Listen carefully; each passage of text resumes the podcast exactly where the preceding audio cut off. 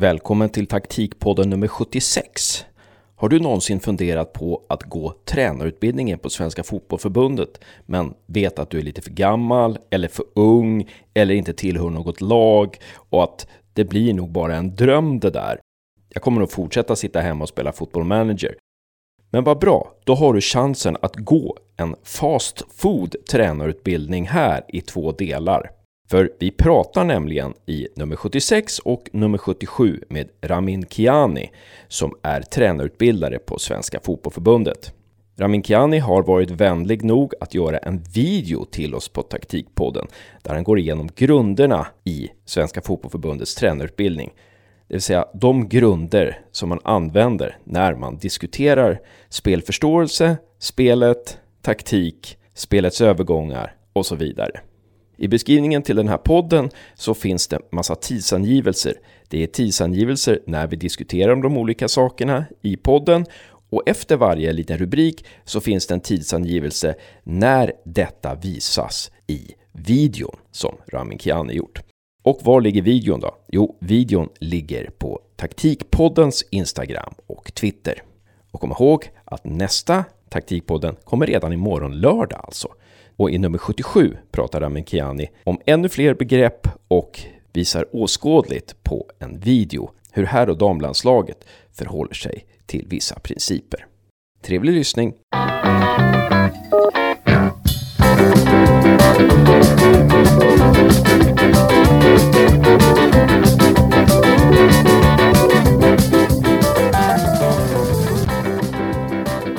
Välkommen till Taktikpodden säger jag till Ramin Kiani.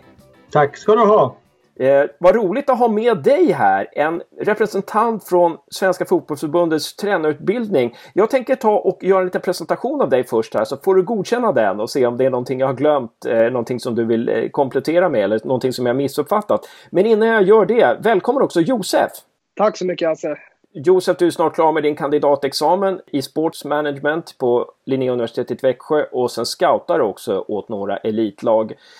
Men nu ska vi till huvudpersonen Ramin Kiani. Jag gör en liten presentation då. Som spelare har du spelat i Unik, Västa, Gävle IF. Du avslutade karriären i Gimo IF och du har Uefa Pro License. Du har varit sportchef och tränare i Sirius.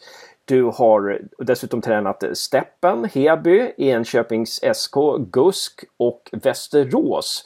Och sen hösten 2014 är du tränarutbildare på Svenska Fotbollförbundets tränarutbildning. Stämde det något sånär eller? Det finns en klubb som det är bra research för, eh, för förresten, men eh, Sunnersta 1986. Eh, Sunnersta IF i Uppsala. Där började jag min eh, fotbollskarriär i Sverige. När jag kom till Sverige 1985. Och sen Sunnersta var det första klubben jag representerade. Okej, ja, den, den, får man inte glömma. Den, den, Nej, eh, för, den är viktig. Ja, förortsklubben kan man väl säga då i, i ja, Uppsala. Absolut. En av de fina förorterna i Uppsala. Ja, så kan man säga. Men jag, jag cyklade från Gottsunda till Sunnersta. Men om vi ska börja någonstans då, Ramin. Alltså, när du var aktiv som tränare, då vet jag att du förespråkade passningsorienterad fotboll med snabba omställningar åt båda håll. Och sen när du gick över till tränarutbildningen då, 2014, hur pass mycket höll du fast vid din syn på hur fotboll ska spelas och hur mycket omformulerades din fotbollssyn? Jag tror att eh, det är olika roller. Som klubbtränare så, så har man någon form av eh, idéer hur, hur spelet ska spelas. Och sen naturligtvis beroende på vilken miljö som man verkar i så anpassar man sina idéer till de befintliga spelartyper som finns i truppen. Och Medan när, man, ja, när jag gjorde en övergång till Svenska Fotbollförbundet och började jobba som tränarutbildare, då blir det mer som en utbildar, i utbildarrollen och då blir det andra andra egenskaper. Samtidigt så skulle jag idag kliva över till eh, klubblagstränare och träna ett lag så skulle jag nog förmodligen fortsätta hålla fast vid att vi ska anfalla när vi har bollen och vi ska anfalla med hela laget och försöka ha ett passningsspel som innebär att vi passerar motståndarnas lagdelar och att vi är effektiva och kan komma omsätta vår, vår bollinnehav till att skapa målchanser och komma in i motståndarnas straffområde. Samtidigt också när vi tappar boll, vad har vi för idéer? Hur ska vi ta tillbaka bollen så snabbt som möjligt? När det går, när det inte går, hur ska vi snabbt hitta vår formation och spela ett, ett försvarsspel som innebär att vi inte låter motståndarna passera oss, ja, våra lagdelar. Så att det är lite, lite så tänker jag liksom, men jag är fortfarande mm, fast vid att man ska nog skapa målchanser genom ett bra passningsspel liksom, och få med hela laget i, i det tänket. Liksom. Det där är ju jätteintressant Ramin att höra om din fotbollsfilosofi kontra tränarutbildningen. Josef, du hade en fråga där. Hur påverkar din filosofi utbildningen? Är, är alla överens på utbildningen om hur fotboll ska spelas? Alltså, det, det, har ju, det har ju skett en hel del vad ska jag säga, utveckling eller förändring gällande eh, synen på spelet och synen på utbildning. Idag i själva tränarutbildningen så vår uppgift, vårt uppdrag är att skapa kontexten för tränarna, beskriva spelets karaktärer och rama in det som är syftet eller temat för kursmodulen. Sedan så skapas det utrymme för tränarna att fundera över sitt eget arbetssätt och genom diskussion och erfarenhetsutbyte med kurskollegor lära sig någonting, eh, plocka det bästa ur kompisarna och, och, införa i sitt eget arbetssätt. Och sedan så pratar vi väldigt mycket hur teorin blir till praktik för deltagarna. Det vill säga att hur kan vi skapa, optimera överföringseffekten för våra kursdeltagare. Tar vi upp saker, teoretiska inslag eller input, hur blir de till praktik för deltagarna? Vilka uppgifter kan vi formulera att deltagarna funderar över sitt eget arbetssätt som är, som är, kan man säga, som är spelsystemet för, för deltagarna. Så vi försöker koppla väldigt mycket de teoretiska inslagen till det som blir praktik för deltagarna. Och sedan är det så att det är tränarna själva som får fundera över ja, hur vill jag spela i speluppbyggnaden när vi har bollen, vår formation, min formation, hur ska det se ut?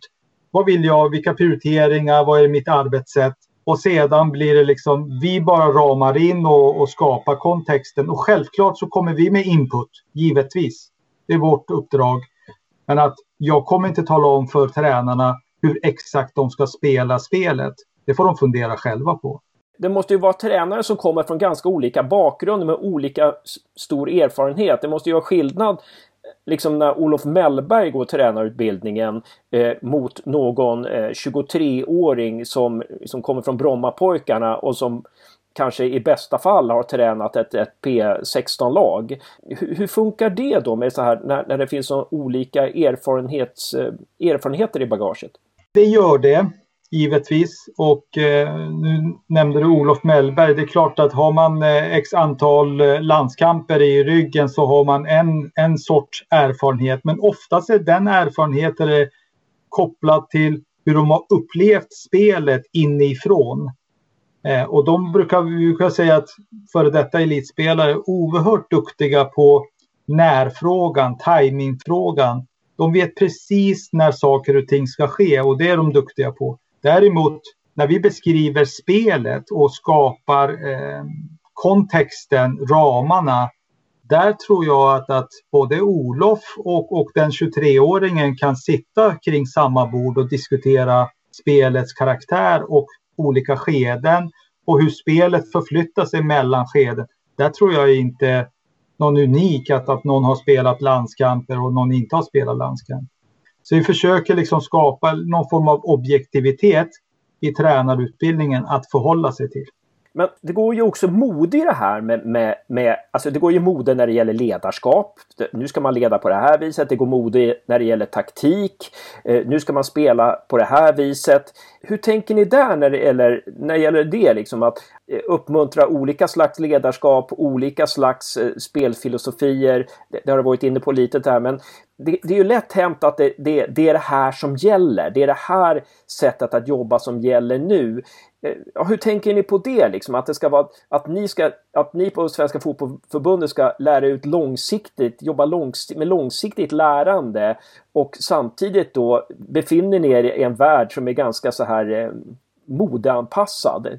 Jag, jag tror man ska nog anpassa sig att, att bli någon form av kopplat till mode liksom det som är, det som är senast. För att framförallt i fotbollsvärlden, tittar man senaste tio åren så har det skett enorma utvecklingar kring olika ämnesområden.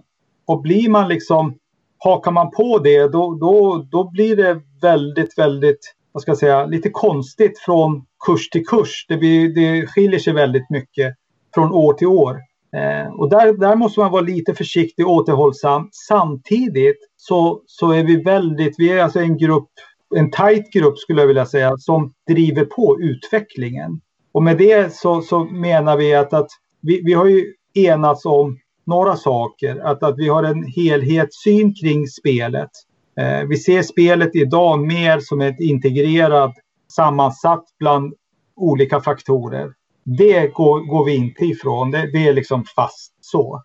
Och sen försöker vi integrera ledarskapet, fotbollsfysen, de olika ämnesområdena in i spelet. För att det är det som är kontentan eller det är det som är slutprodukten för tränarna. Att när de har ett, en, en, en veckas träning så, så försöker vi utgå från det. De har sina planeringar inför träningen, de behöver förbereda sitt lag inför helgens match. De behöver förhålla sig till att början på veckan, då har man haft en match Eh, strax i ryggen. Behöver man avverka det och, och återhämta sig från det med, med, allt vad det innebär. Och sen har man kanske ett litet fönster som man kan gasa på lite grann och överbelasta eh, sina spelare. Samtidigt jobba med sitt eget arbetssätt. Och sen kommer det några, ett fönster där man går mot den kommande matchen och då behöver man förbereda sig inför den matchen med vad allt det innebär. Och då behöver man ta hänsyn till fysen, man behöver ta hänsyn till ledarskapet och även den taktiska periodiseringen under veckan. Så att jag tycker det här är jättespännande att vi har drivit på den utvecklingen, att vi har den den integrerade synsättet, helhetssynen, holistiska synsättet. Men samtidigt ska vi vara lite försiktiga med att oj, nu, nu kom det något senaste, någon säger att vi ska göra på det här viset och så svänger vi alldeles för snabbt. Där ska vi vara lite återhållsamma. Hur mycket kan ni forma en tränare på tränarutbildningen? ibland kan man ju säga att antingen har du det eller så har du det inte. Det är som med lärare. Ja, är du en bra lärare så liksom, är du intresserad av, av pedagogik. Liksom, du, antingen har du det eller så har du det inte. Alltså hur mycket kan ni utveckla tränare? Hur mycket kan ni påverka själva utvecklingen av tränare så att man höjer sig några nivåer? Tränarutbildningen måste man förstå vad, vad utbildningen har för, för funktion och syfte. Tränarutbildningen ger dig ett, ett verktyg vi, vi skapar eh, någon form av eh, synsätt på, på spelet och hur du ska förbereda ditt lag inför matcher och hur du ska ta dig an, hantera veckan, säsongen som sådan, de olika delar av säsongen som går i varandra. Men det som vi, vi funderar väldigt mycket på det, eh, Hasse och Josef, att hur ska Alltså reality-based learning, det är ett sådant begrepp som, som vi lever dagligen. Vi, vi åter och ofta eh, påminner oss själva.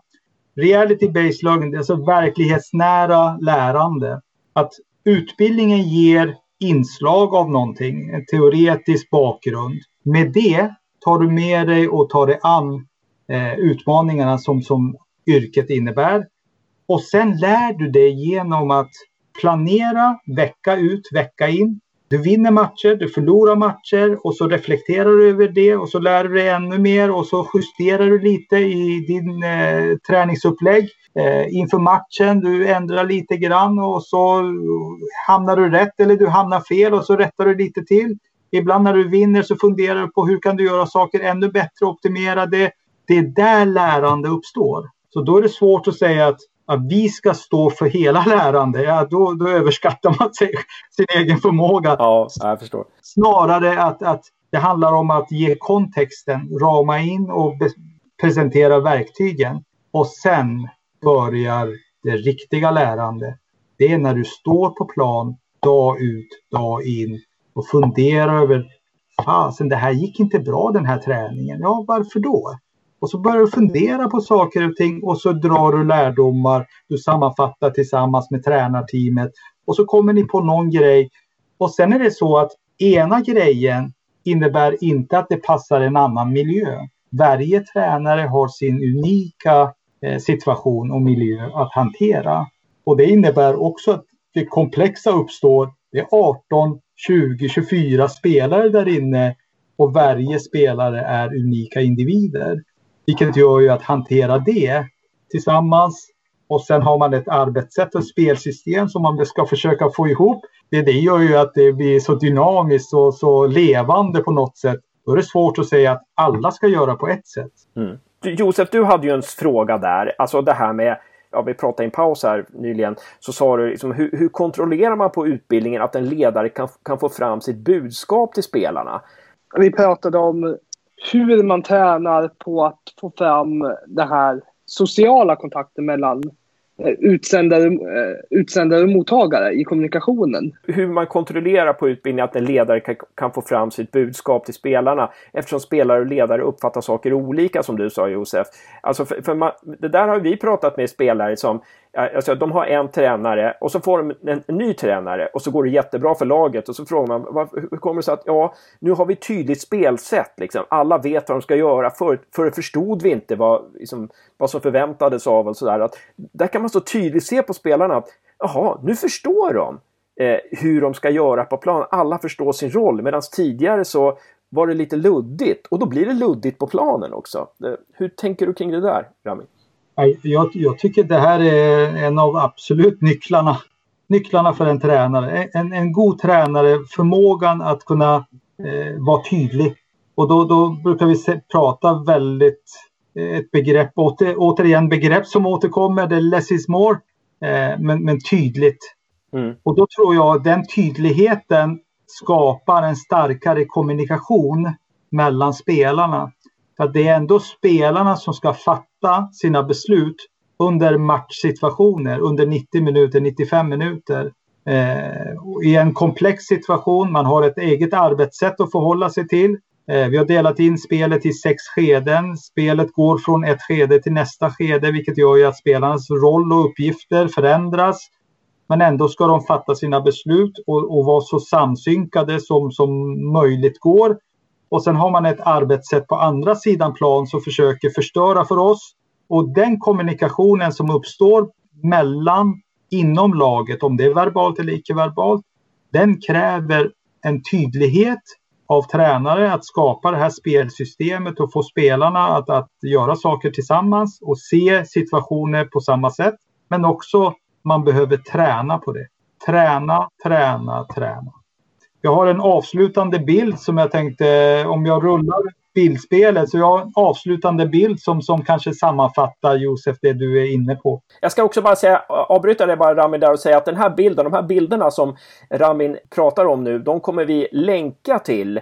Eh, vi kommer länka dem till en Dropbox-länk och vi kommer ha dem på Twitter och Instagram, bara så att ni vet, så ni kan följa med. Jag skulle bara säga det. Det ska inte bli någon tränarutbildning då, men ändå några bilder som, som eh, bara beskriver lite grann utvecklingen i tränarutbildningen också naturligtvis. En helhet, helhetssyn på fotboll idag eh, har vi. Den här bilden är fotbollsaktion. Vi beskriver fotbollsaktionen. Så fort spelaren gör, gör ett beslut eller agerar på plan. Och det kan vara försvarsspel, det kan vara anfallsspel, det kan vara en spelare pressar bollhållare eller en spelare har bollen, driver. Målvakt går upp, fångar bollen och startar en kontring eller vad det nu är. Men så fort spelaren fattar ett beslut så är det fyra delar som, som samverkar.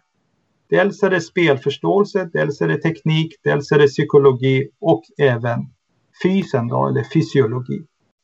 Zoomar vi ut från den här bilden, Hasse och Josef, så ser vi att lite grann den, den föregående eh, tränarutbildningen det var, det var de här rubrikerna. Det, det, det, man hade då på den tiden, Eh, det var att man hade ett block om spelförståelse, ett block om eh, ledarskap eller psykologi, ett block om teknik, ett block om fysiologi. Och då såg man på de här delarna Eh, hade man spelförståelse så fick man inte knappt alltså prata teknik eller prata fysik eller prata ledarskap. Då pratar man bara en sak i taget. Och det, det var ju modernt på den tiden. Medan idag har vi en, en helhetssyn på spelet, vilket gör ju att vi ser de här ämnesområdena som ett integrerat. Eh, och, och är, är det så att slutprodukten ser ut så att spelaren använder sig av alla delar när spelaren fattar beslut. Och då bör de vara ett, ett sammansatt och inte, inte se det som isolerad händelse från varandra. Så där har vi, där har vi det helhetssynen på fotboll. Och sen vet vi att innan spelaren fattar sina beslut så är det en process som pågår. Uefa kallar det för perception action eller informationsprocess, men det handlar om liksom hur man uppfattar. Och det handlar om att uppfatta situationer utifrån vilket skede är spelet just nu i och, och vilket skede är vi på väg. Och detta behöver spelare identifiera ständigt för att hela matchen pågår och då blir det liksom man har bollen, man tappar bollen från ett skede går till nästa och så är det massa processer som pågår. Det gör ju att man får en förståelse för komplexiteten i spelet fotboll. Då. Och jag nämnde också att spelaren behöver identifiera hela tiden vilket skede är spelet i just nu. Och, och, och vad, vad, vad vill vi som lag? Vad, vad är våra principer i, i detta skede? Och, vad, och, och sed, sedermera, vad är min uppgift i min position? Vad ska jag göra för att bidra till lagets arbetssätt?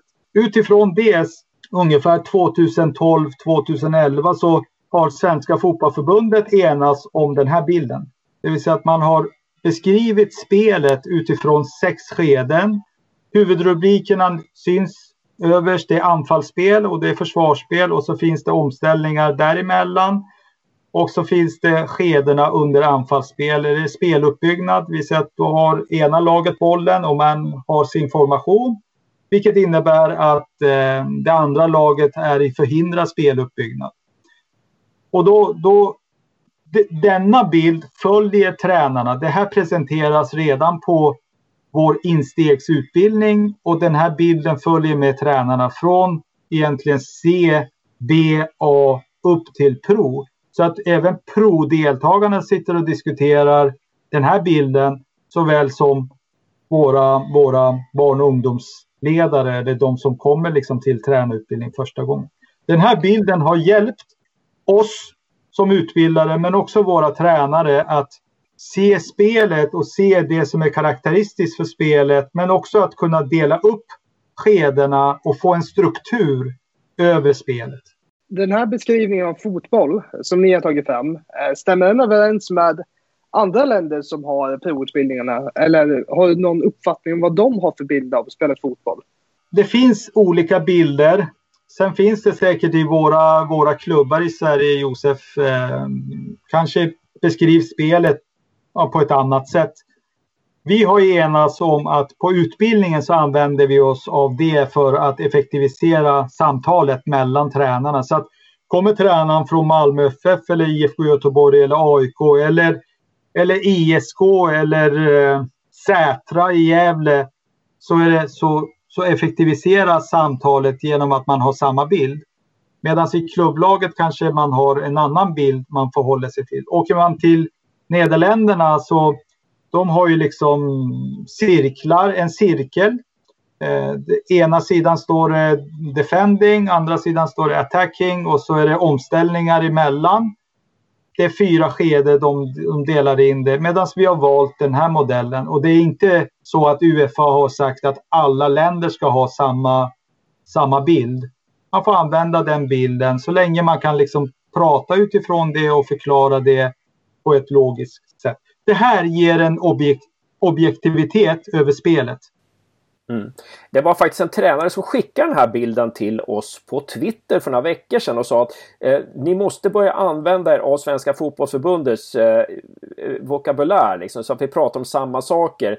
Just för att han menar att många pratar om istället när man menar kontring så pratar man så använder man ordet omställning. Men för, alltså, omställning handlar ju inte bara om att ställa om från försvar till anfall utan det handlar ju lika mycket om att ställa om från anfall till försvarsspel. Då.